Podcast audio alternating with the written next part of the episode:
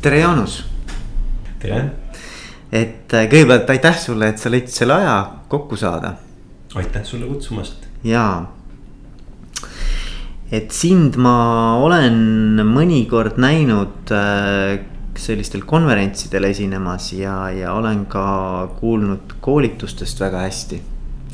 aitäh. jaa ja täna tahakski rääkida sinuga sinu sellisest lemmikvaldkonnast, et äh, kui ma olen õieti aru saanud, siis see on selline sotsiaalsete konfliktide ja nüüd aita mind. No ma natuke laiendaks seda, et, et minu viieteistaastase koolitaja karjääri jooksul tõenäoliselt kõige rohkem olen koolitanud, konsulteerinud suhtlemise ja koostöö valdkonnas ja konfliktide ennetamine ja, ja lahendamine on üks, üks osa. üks osa see, aga ja, sul oli väga spetsiifiline termin oli ka seal mingisugune õigus. taastav õigus on Taastav selline noh, võiks öelda hobi. okei, okei aga mis see, mis see on, kui võib küsida taastav? taastav õigus on äh, konflikti lahendusviis, mille kese on tekitatud kahju ja selle heastamine okay.. et kui me läänelikus kultuuris peamiselt konfliktidele läheneme süü ja karistuse põhiselt, et on vaja tuvastada, kes on süüdi ja kuidas seda karistada.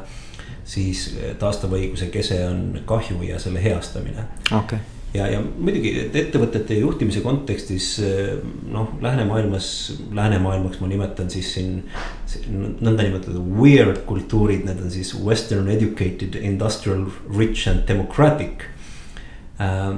on mitmeid riike, kus taastavat õigust ka äri kontekstis sellise töökultuuri ja, ja meeskonnakultuuri loomiseks päris palju kasutatakse ja, ja üks osa sellest on just konfliktide lahendamine ja ennetamine sellisel viisil, et ei keskenduta selle, et kes midagi süüdi või milleski süüdi on. vaid keskendutaksegi sellele, sellele, et kui on mingisugune probleem meeskonnas tekkinud, siis vaatame, mis kahju selle läbi on tekkinud ja kuidas seda heastada mm. -hmm. ja ei tegele nende küsimustega, et otsime igal juhul süüdlase üles. et noh, meil on siin avalikus ruumis olnud ka selliseid konflikte, et kus nagu kahju pole tekkinud, et noh. ma, ikka jälle toon seda näidet, seda linnahalli ülevärvimise lugu, et, et kui me läheneme selle taastava õiguse põhiselt, siis kui me küsime, et aga mis kahju siis tekkis.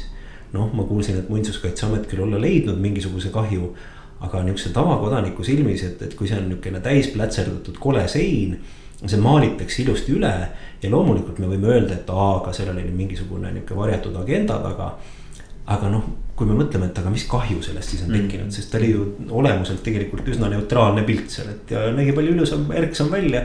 et tegelikult polegi kahju tekkinud, mis tähendab seda, et ärme sellega tegeleme mm.. et töö kontekstis tegelikult annaks eh, palju rohkem aega kokku hoida ja, ja fokusseerida olulistele asjadele mm. -hmm noh, siis on väga huvitav, on ju, et sinu taust tegelikult on, äh, ma saan aru, et sa oled ka tegelikult vanglas töötanud, eks ju, on, on õige?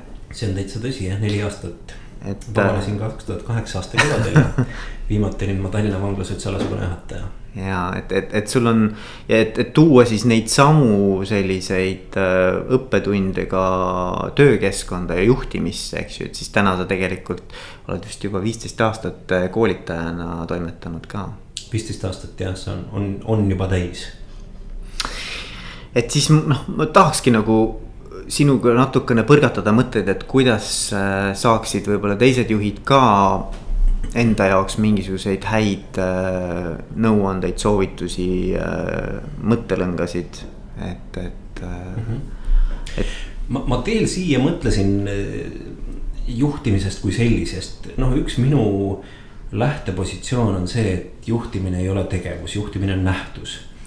ja juhtimine saab juhtuda, et juhtimist saab küll mõjutada ja loomulikult juhi isik ja tema kompetentsid on hästi olulised. aga lõppude lõpuks määrav on selline tekkiv sünergia, mis tekib meeskonnas ja üks juht võib ühte meeskonda väga hästi juhtida ja teist meeskonda ei suuda juhtida. ja noh, neid näiteid on jälle küll ja rohkem, alates tuntud treeneritest kuni siis lõpetatud, lõpetades mõne ettevõtte juhiga et selles mõttes ma arvan, et juhtimist peakski käsitlema pigem nähtusena ja mõtlema. Et mis on need olulised tegurid selle juures, et see nähtus saaks toimida või ja, see nähtus, et, et juhtimine saaks juhtuda. sest lõppude lõpuks ma arvan, et eh, juhtimist tuleb käsitleda ka ühe ressursina, mis on eesmärkide saavutamise vahend. juhtimine ei ole ju eesmärk omaette ja, ja, ja tõsi, et mingil hetkel ta võib muutuda selliseks eesmärgiks omaette, kaasa arvatud sellises juhtimisteoorias või juhtimis metoodikates, mida siis konsultandid käivad ja suure raha eest õpetavad kõik, et kuidas peab juhtima, on see siis kaasav juhtimine, nõustav juhtimine Äh, hooliv juhtimine ja nii edasi ja, ja noh, täna on neid lähenemisi juba nii palju, et kui üks juht tahaks kõigis neis orienteeruda mm. -hmm. siis tal enam tööks aega ei jää, et ainult uurikski neid mm -hmm. juhtimisalaseid äh, lähenemisi, kontseptsioone. keegi minu arvates väga tabavalt ütles, üks juht, ma ei suuda praegu nime öelda. Et palju mõistlikum on leida enda jaoks üks ja seda rakendada põhjalikult mm.. kui see, et püüda haarata kõike, loomulikult juhi jaoks on hästi oluline ka pidev selline valmisolek ennast muuta aga, aga ma arvan, et eh, jah, juhtimine ei peaks olema eesmärk omaette, vaid ikkagi vahendina käsitletav. et kuidas eesmärke saavutada. ja sellest tulenevalt eh, ma arvan, et juhtimist peaks käsitlema visioonipõhiselt, nii nagu ma olen tudengitele alati rääkinud, et juhtimine algab visioonist, aga mitte selles mõttes ainult, et eh, juht on see, kes visiooni püstitab ja visiooni siis ellu viib vaid ka juhtimine kui nähtus, et mida me üldse juhtimises eh, või juhtimisest eeldame või ootame. ehk mis on see tulemus. Eh, mina isiklikult ei poolda sellist dogmaatilist lähenemist, et, et alustada, et vot juht peab olema selline või teistsugune või kolmandatsugune ei pea, see sõltub, millist tulemust me tahame mm.. nii nagu tuntud eh, psüh-, psühhopaatsuse uurija Robert Haare suutis korraldada suure skandaali, kui ta leidis seda, et väga paljude tippjuhtide hulgas oli väga palju kõrge psühhopaatstasemega inimesi. ja nüüd, kui me ütleme, et, et ei, et aga juht peab olema empaatiline, siis vot see fakt lükkab selle ümber, et näed, ei pea olema. -hmm. aga sellest tuleneb teistsugune juhtimine, sellest tuleneb mitte inimeste põhine juhtimine, et inimesed ei tunne seal ennast väga hästi. aga ta saavutab väga palju tulemusi mm, -hmm. inimesed põlevad läbi, kaovad tema ümbert ära, pidevalt vahetuvad. aga see on teistsugune juhtimisviis mulle väga meeldib, Marek Helm on öelnud, kes eh, minu arvates on suurepärane juht, eh, vahepeal juhtis Maksu- ja Tolliametit ja, ja minu arvates tõstis Maksu- ja Tolliameti ikkagi eh, noh, sellise riigi poolt osutajate, osutavate teenuste organisatsioonide hulgas kindlasti tippu. ja, ja ta on öelnud seda, et me saame alati seda, mida me mõõdame. ja, ja noh, tema Maksu- ja Tolliametis väga edukalt seda printsiipi rakendas, ta on toonud näite ka ka politsei tegevuse kohta, et kui me mõõdamegi ainult liiklussurmasid ja mõõdame õnnetusi ja rikkumisi, siis see on see, mida me saame mm. -hmm. ja see ei ole mingisugune müstika, et hakkame mõõtma teisi asju, siis need kaovad ära, ei, aga asi on siis selles, et me pöörame fookuse teistele asjadele. ja, ja samamoodi minu arvates juhtimisele kui nähtusele lähenedes äh, et küsimus on, mida me mõõdame või millist juhtimist me ootame, millist eeldame, sellest alles tuleneb see, et aga milline juhtimine siis vastab sellele visioonile või ootusele et kas me tahame, et inimesed oleksid rahul tööl, kas me tahame, et, et ennekõike oleksid tulemused saavutatud, kas me tahame, et. Et oleks toetav organisatsiooni kultuur ja tõsi, nad on ju kõik omavahel ühte või teistmoodi seotud. aga on alati alternatiive, et, et kui me täna ütleksime, et, et ainult empaatiline juht saab olla hea juht. siis tulemuse mõttes võib ka täiesti mitte empaatiline juht tulemusi tekitada aga meeskonnas võib-olla ei tunta ennast väga hästi, et ja, kui me toome selle lisaklausli sinna juurde, et me tahame, et oleks stabiilne meeskond, meeldiv töökultuur siis tulevad teised parameetrid mm. -hmm. aga minul on, mul on üks sihukene nagu stampküsimus, mida ma päris äh, niimoodi regulaarselt küsin, on. et, et mis, Jaanus, sinu arvates on see, mille eest juhile palka makstakse ma olen kasutanud sellist mõistet nagu suhtekapital. ja see on äh, metafoor, mis iseloomustab mingisuguses koosluses, inimkoosluses olevaid suhteid, on see siis meeskond, on see paarisuhe, mis iganes. et mida rohkem seda kapitali on, seda noh, tugevam see paar või, või see, see meeskond on. ja, ja see kapital on eriti oluline näiteks muutustega toimetulekul või stressirohketes situatsioonides toimetulekul. mida rohkem kapitali on, seda dünaamilisem, seda paindlikum meeskond on, mida vähem, seda kiiremini noh, tasub otsa, et, et stressipinge muutuste situatsioonides. no niikuinii tekitab see pingeid, iga muutus tekitab pingeid ja siis omavahel, kui suhted ei ole just kõige paremad, siis ta eriti veel lööb välja, et siis minnakse eriti kiiresti omavahel riidu või tülli või, või kuni meeskonna lagunemiseni. ja minu arvates üks selliseid Äh, juhi olulisi rolle on just see suhtekapitali äh, nihukeses äh, noh, kuidas öelda siis balansis hoidmine. et noh, see on mingis mõttes nagu eelarve jälgimine, et, et sa jälgid, palju mul seda suhtekapitali on. ja mida ma selle juures olen võimeline tegema, et millistest situatsioonidest ma olen võimeline läbi minema ja millistest mitte. Ja, ja see on täiesti praktikast nii-öelda elust endast ehm, noh tuletatud, et, et ma olen korduvalt näinud meeskondi, kes on läbi teinud mingisugused muutused, et noh, näiteks on äh, suur rahvusvaheline müügiettevõte, kes tegutseb Eestis, Lätis, Leedus ja ühel hetkel otsustati, et eh, võtame juhtimiskulusid kokku, teeme ühe keskse juhtimise, et ei ole nii, et Lätis, Leedus, igal pool on siis oma müügijuht, turundusjuht, tegevjuht. teeme tsentraalseks kõik, aga ei oldud arvestatud selle suhtekapitaliga meeskond tegelikult polnud selleks või, muutuseks võimeline mm. ja poolteist aastat vireleti selles, eh, siis selles noh, nii-öelda noh antropoloogid ütlevad liminaalses faasis, kus on nagu ei, ei ole üks ega teine, ei ole nagu päris uus, aga pole nagu vana ka enam. ja, ja esiteks suhted läksid väga halvaks, mitmed inimesed läksid ära ja lõpuks, kui müüginumbrid hakkasid langema, siis kusagil peakorteris Kesk-Euroopas otsustati, et midagi vist on valesti ja tegelikult ennetavalt ei olnud arvestatud lihtsalt selle suhtekapitali kogusega, et meeskond polnud võimeline seda muutust ellu viima ja, ja lõpuks pöörati see protsess tagasi, muudeti uuesti Eesti, Läti, Leedu siis erinevateks piirkondadeks. mina arvan seda, et nad oleksid võimelised olnud selle muutuse läbi viima, kui oleks enne teadlikult seda suhtekapitali kasvatatud mm. -hmm. ja, ja vot see on asi, mis, mis ma arvan, et juhtidel noh, on üks osa, mille eest nad võiksid palka saada mm. -hmm. Aga kuidas sa seda suhtekapitali nii-öelda, see on väga huvitav äh, termin ja ma arvan, nagu kindlasti väga, väga õige asi, eks ole, mida jälgida ja mida kasvatada. aga et kuidas sa sellest aru saad, et noh, et juhina, kui keegi kuuleb praegu, eks ole, et, et.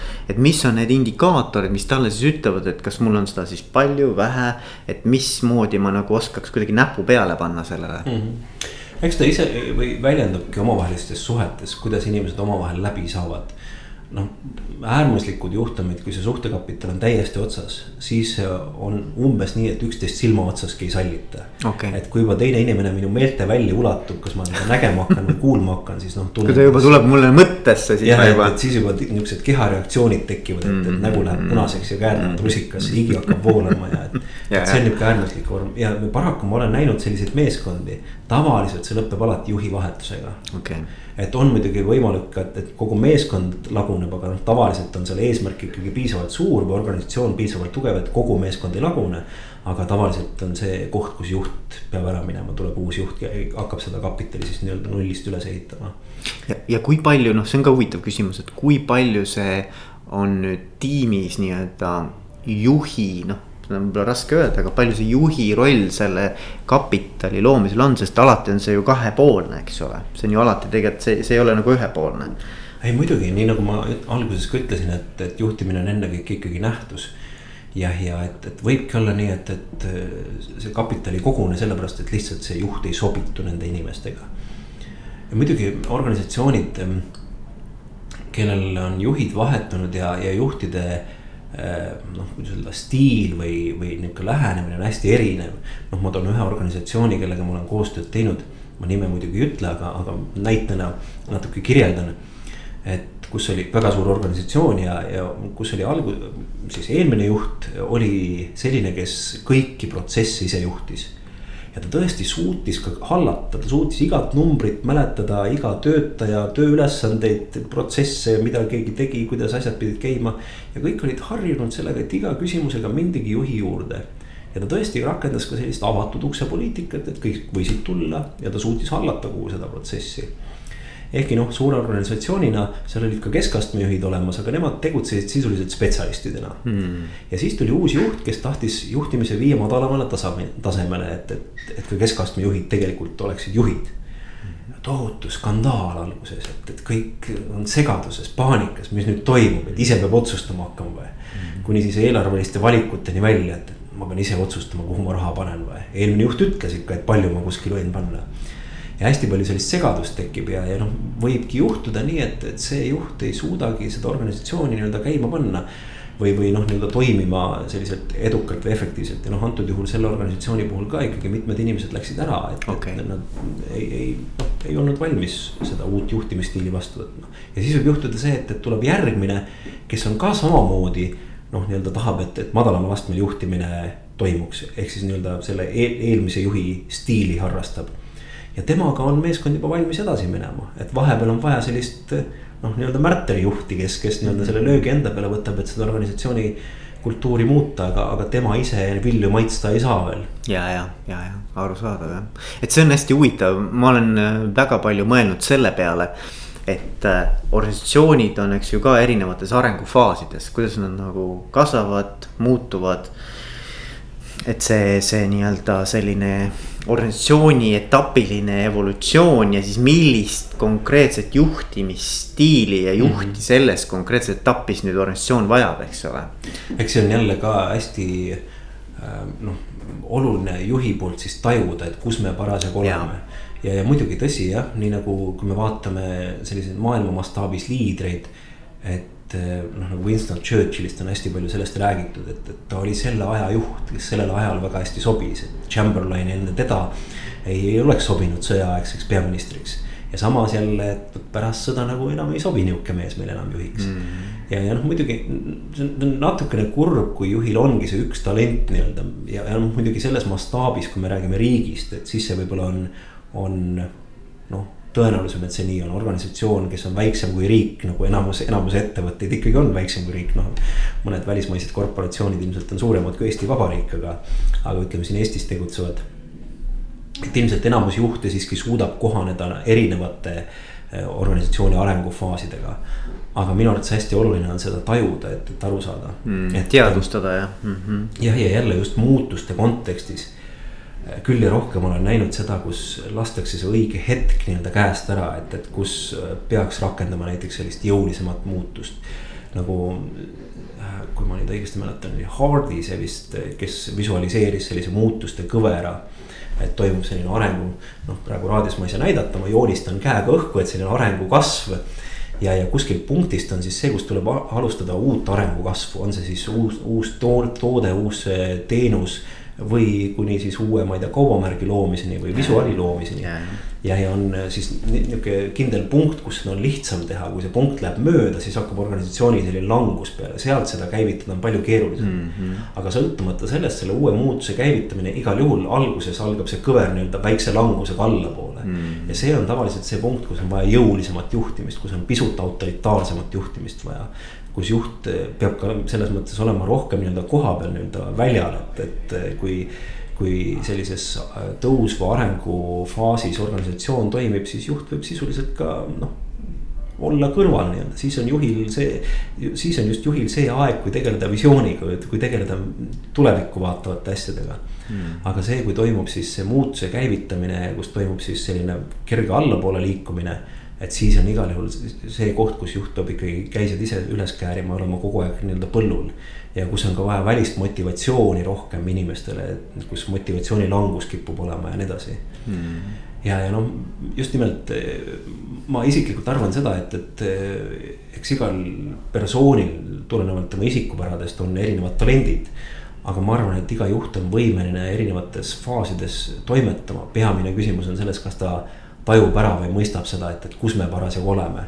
tihtilugu on tagantjärgi võimalik neid hetki tajuda, et vot see oli see hetk, et kus oleks pidanud natuke teistmoodi käituma mm. -hmm. ja noh, mingisugused suuremad muutused nagu kui umbes kümme aastat tagasi oli suur majanduslangus, et, et see oli väga hea indikaator, et kuidas siis juhid toime tulid, et kuidas nad suutsid õigel hetkel kas pidurit tõmmata või, või mõned siis pidid noh tagajärgi likvideerima, et, et mitte siis äh, uusi suundi või uut mm -hmm. noh mm -hmm. mingisugust tegevust käivitama, vaid, vaid hoopis äh, tulema toime sellega, et kuidas võlgu maksta. ja, ja, ja aga noh, tulles nüüd tagasi sinu sellise lemmikvaldkonna juurde, et, et mis sa oled nagu näinud oma, on see siis koolituste käigus või, või ka siis juhtidega suheldes, et.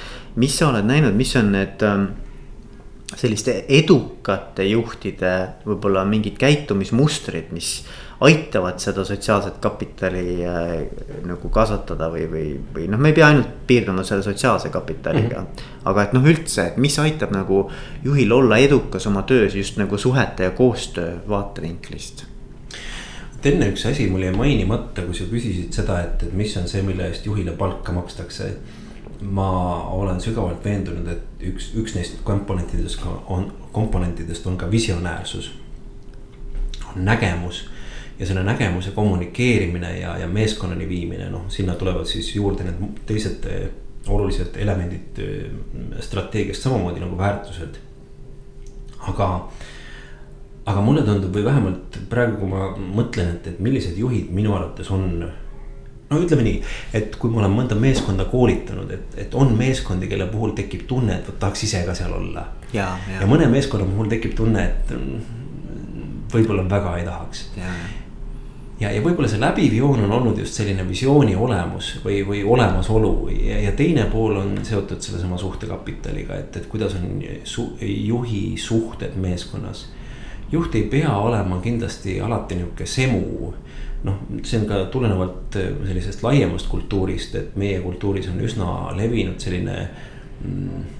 kuidas öelda, väiksem võimudistants, et, et juhi juurde võib vabalt kabineti uksest sisse astuda ja rääkida temaga niimoodi noh, silmast silma ja, ja sina peal äh, siis äh, noh, siit eriti noh, ütleme näiteks Leedu, et kui siit hakata Läti-Leedu juba on see võimudistants palju suurem et slaavi kultuurides eriti jah, siis kipub või slaavi taustaga kultuurides kipub see distants palju suurem olema, et, et kus ikkagi see autoriteet peab nagu rohkem säilima ja selline ähm, subordinatsioon peab hästi tugevalt paigas olema. aga et sõltumata sellest, ma arvan, et üks oluline osa juhi, noh, vähemalt minu jaoks isikliku maitse järgi vähemalt. on, on see, kui juht on suutnud luua meeskonnas head suhted et see meeskond noh, mõjubki niimoodi ligitõmbavalt mm. -hmm. ehk siis kaks asja, jah, visionäärsus ja suhted mm. -hmm. et need, noh, ma arvan, et see noh, see visionäärsus on ka ülioluline teema, et see on ikkagi, kas see, kas sellele sellel konkreetsel tiimil ja organisatsioonil on siis nagu väga selge siht, mille poole nad liiguvad, eks ole ja, ja mulle meeldis väga, kui ma rääkisin Mati Heidmetsaga, kes on, oli siis Tallinna Ülikooli rektor ja. ja ta siiamaani tegelikult ülikoolis tegev. aga et, et tema selline väga selge visioon oli, et, et luuagi Tallinna Ülikool, eks ole mm, -hmm. et, et. ja mulle meeldis, kuidas ta rääkis, et tegelikult, et, et, et see oligi ainukene point, miks üldse rektoriks kandideerida mm. -hmm. ja ta ütles, et kui, kui tal viis aastat läbi sai ja see oli tegelikult nagu teostatud, et siis tal nagu noh mingis mõttes nagu ei olnud enam nagu seda noh, ei olnudki nagu seda, seda olemuslikku mõtet mm, -hmm. et, et siis peabki andma võimaluse kellelgi teisel, eks ole. Äh, seda ettevõtet või seda organisatsiooni edasi viia mm. -hmm. mulle väga meeldis see just see. see, see on omamoodi justkui elementaarne, et noh, nii organisatsioonidega töötades kui ka tudengitele loenguid pidades. Mainori kõrgkoolis leadership'i pealkirja all on siis üks loeng, mida ma loen ja, ja kui me räägime sellest visioonist, missioonist, väärtustest, no kõigil tekib see tunne, et jälle see, et see tundub justkui iseenesestmõistetav mm. -hmm. ja samas kaugeltki mitte ei ole. ja küll ja rohkem on Eestimaal organisatsioone, kellel on kas visioon ja väärtused või, või kogu tervikpakett on kirja pandud nii, et noh, ta on lihtsalt kirjas, et lihtsalt noh, oli vaja millegipärast arengukava oli vaja koostada ja ta igapäevaselt ei sega, et, et noh, ei ole nagu vaja ja, ja minul tekib tõsiselt küsimus, et milleks siis seda aega üldse kulutada sinna mm. -hmm. või et mõnel on äh, visioon ja missioon täitsa üks ja sama, et ei saa aru, et, et kumb nüüd kumb on, täpselt üht, ühe, ühtemoodi kõlavad mm. -hmm. või et ähm, noh, näiteks koolitasin kunagi ühte kooli ja nende visioon oli, et oleme üheksaklassiline maakool Nad olidki juba üheksaklassiline maakool, siis tekib küsimus, et aga milles see visioon siis seisneb, sest visioon peab igal juhul olema kvalitatiivselt erinev sellest, mis täna on ja, ja. ja noh, nende mure oli see, et kool äkki kaob ära, et sellepärast nad panid sellise status quo säilitamise. aga see paradoks on selles, et ähm, kui meie kultuuriruumis sellist edasiliikumist ei ole, et siis on väga suur tõenäosus, et organisatsioon kaob ära. sellepärast, et elu läheb edasi ümberringi mm -hmm. ja, ja jah, ja juhi seisukohalt noh, ma arvan, et see visiooniga töötamine, visiooni teadvustamine on äh, ääretult oluline Eesti kontekstis veel seda enam, et meil on ju enamus ettevõtteid, organisatsioone on keskmised ja väikeettevõtted. ja seal on tippjuht ja keskastme juht tihtilugu üks ja sama inimene, mõnikord on ka nii, et tippjuht, keskastme juht ja spetsialist on üks ja sama inimene. Mis hästi palju tekitab sellist rollisegasust või rollikonflikti, noh mitte konflikti niivõrd, aga et, et mõned tegevused jäävad tegemata sellepärast et noh, mõned on mugavamad, kes on rohkem, ongi visionär, see võib-olla praktilistes küsimustes noh, jääb natuke hätta. teine on hästi praktiline ja siis visioon jääb kuidagi nagu kahtlaseks. ja noh, näiteks äri sellistes e-, või, või ettevõtluse arenduskeskustes või, või mentorklubides olen kohanud tihtilugu ettevõtteid, kes alustavad või, või siis ka üksikisikuid, kes alustavad ettevõtlusega. Neil on nägemus tootest või teenusest, mida nad tahavad teha ehk kui küsida, et aga mis see visioon sul on, noh müüa neid noh. noh, kuidas, kellele, no ma ei tea, inimesed tulevad, ostavad lihtsalt. ja, ja, ja. ja siis noh, on kurb mõnikord just sellepärast, et tegelikult on hästi tore või hea või noh, niisugune asjalik teenus või toode. et kui seda nägemust ei ole, noh, kuhu ma siis edasi liigun, siis noh, ongi see, kus see, see juhtimise tegevus jääb tegemata ja, ja, ja see on eriti oluline sellistes väikestes organisatsioonides, kus ongi näiteks üks inimene või, või ka kaks või kolm või viis inimest mm. -hmm. et tihtilugu ikkagi see juht on mitmel, mitmes erinevas rollis mm. -hmm. ja, jah aga, aga ikkagi noh, ma tuleks selle küsimuse juurde tagasi, et, et, et kui mõelda selle sotsiaalse kapitali peale ja edukate juhtide peale, et siis. et kui nüüd minna nagu hästi, püüda kuidagi mingisuguseid nagu praktilisi selliseid käitumismustreid äh, tuletada. et, et kas, kas, kas sa oled näinud või oskad sa öelda nagu mingisuguseid konkreetseid selliseid käitumusi, et mis, mis siis aitab? no hästi üldistatuna selle sotsiaalse või suhtekapitali kogumine käib ühiste positiivsete elamuste kaudu.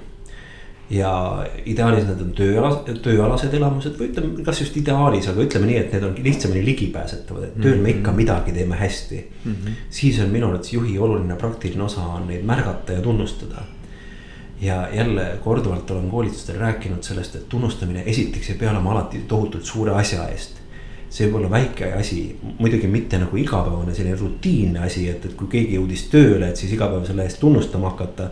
noh, muutub ka kuidagi veidraks. aga midagi sellist, mis on tõesti tunnustamist väärt aga see ei pea olema tohutult suur asi ja see tunnustamine ei pea tohutult suur asi olema. Et istume koosolekul laua ääres, keegi ütleb hea mõte, oh, väga hea mõte mm. -hmm. see on juba piisav mm. -hmm. aga mis ta loob, on just, ta loobki selle positiivse atmosfääri, ta julgustab mõtteid pakkuma. ja teiselt poolt see selliste asjade märkamine tekitab sellise positiivse ühise koge-, kogemuse. ja see on osa juba selles suhtekapitalis.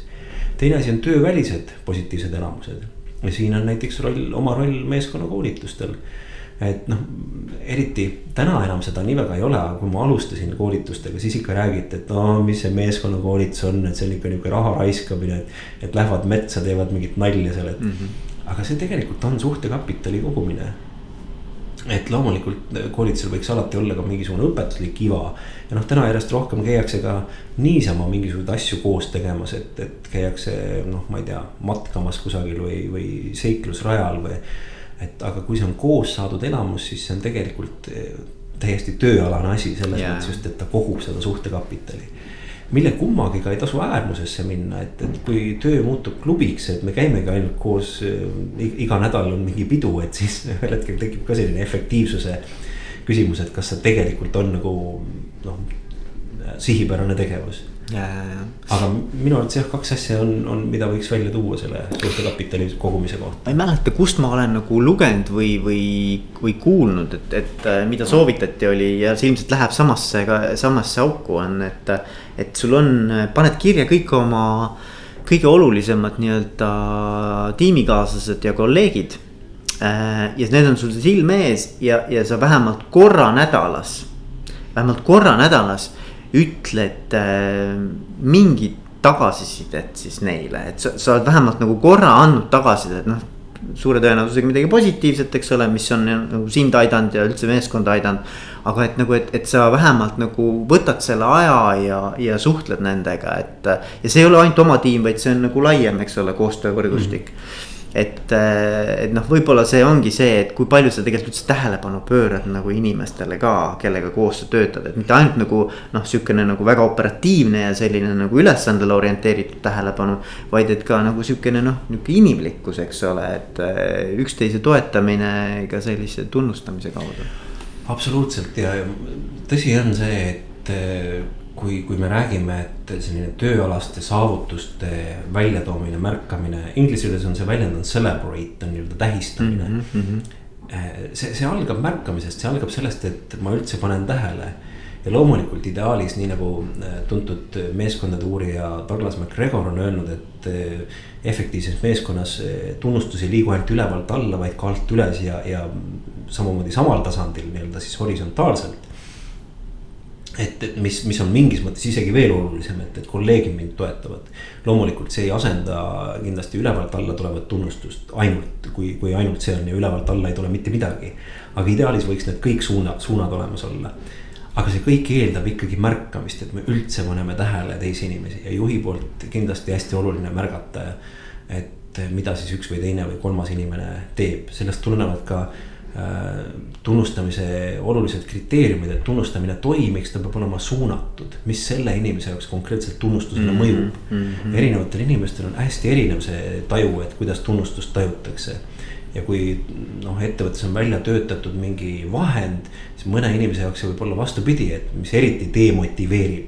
noh, kunagi üks ettevõte või ühe ettevõtte töötaja rääkis, kuidas neil oli kombeks, et äh, kõigile lauldi sünnipäevalaulu. kui oli sünnipäev, kõik tulid kabinetti, lilled käes, laulavad sünnipäevalaulu ja siis joodi kohvi ja kõik oli hästi tore. aga ühele prouale seal ei meeldinud absoluutselt avalik tähelepanu. Ja, ja tema jaoks oli kõige piinlikum asi aasta jooksul, see oli alati päev, kui ta tahtis tööle mitte tulla. aga üks tema kolleeg teadis, et talle meeldivad väga apelsinid ja tema siis selle asemel, et lilledega sinna minna niimoodi ühislaulu tegema, tema niimoodi salaja pani talle apelsini laua peale. ja proua oli õudselt rahul sellega. no näed.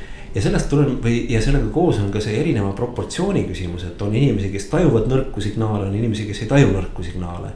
et mõne inimese jaoks ütled aitäh, ta saab aru, oh tunnustati, teise jaoks ütled aitäh. kus lilled on, orkester tort, kus, kus need on ja, ja, juhi jaoks minu arvates see on hästi oluline kunst on tajuda seda, et, et mis on see õige viis ja õige proportsioon kellegi tunnustamiseks, kui me tahame selle kaudu luua seda suhtekapitali mm. -hmm. ja loomulikult tunnustamine peab olema konkreetse tehtud asja eest ja ta peab olema ka siiras, ta peab mõjuma siiralt, et see on oluline ja, ja jälle need on juhi jaoks need väljakutsed, mis on siis peale seda märkamist, et ma kõigepealt üldse märkan, et keegi midagi hästi tegi ja, ja siis oskan ka seda välja näidata mm. -hmm. ja, jah Jaanus, kas on midagi, mida ma ei ole sinu käest küsinud, aga sa tahaksid kindlasti äh, omalt poolt veel rõhutada?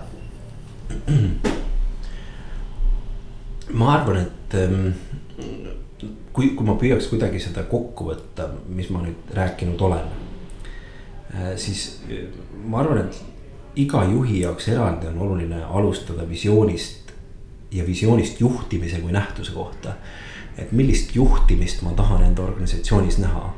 ja sellega koos arvestada, et sellega koos sellest visioonist tulenevalt kaasneb või sellega kaasneb teatud organisatsiooni kultuur, sellega kaasneb teatud tulemuse saavutamise viis ja, ja kaasa arvatud kulu, et mis selle peale kulub. Mm.. kas ma olen nõus seda hinda maksma, kas ma tahan olla hästi hooliv juht, mis tähendab, et ma pean hästi palju panustama suhetesse, ma pean inimestega pidevalt töötama või ma tahan olla tulemustele orienteeritud juht, et mind ei huvita, kes mul tööl on, aga, aga peaasi, et töötavad kõik. ja, ja sealt edasi tulevad need vahendid, et me noh, siin põgusalt puudutasime ühte, teist ja kolmandat vahendit ka. aga minu arvates ikkagi ükski vahend ei ole dogmaatiline, et ta on kindlasti kohustuslik. vaid nad on ikkagi pigem äh, operatiivsed, et, et kui see on viis, mida ma tahan või see on see visioon, kuhu poole ma tahan liikuda ma tahan, et minu organisatsioonis on head suhted, mul on püsiv töötajaskond. mul on inimesed rahul, et siis noh, ma oskan valida õigeid vahendeid. ja, ja kuni siis sa küsisid minu käest alguses taastava õiguse kohta, siis ma toon selle taastava õiguse ka uuesti korraks siia sisse mm. -hmm. et kuni siis teatud näiteks viisideni, et, et see taastava õiguse mõned meetodid on loodud selleks, et luua meeskonnas selliseid meeldivaid suhteid omavahel, et istutakse ringis koos, jagatakse omavahel mida siis mõeldi, tehti, et ei ole näiteks koosoleku formaat on niukene ähm, noh, kuidas öelda ähm, võrdne, et, et kõik on võrdsed omavahel istuvad ringis niimoodi, ei ole nii, et juht istub laua otsas ja ülejäänud kõik on siis laua ääres ja noogutavad õigel hetkel ja lõpus plaksutavad mitu tundi. ja, ja. kuule, aga aitäh sulle, Jaanus, väga põnev oli. aitäh. jaa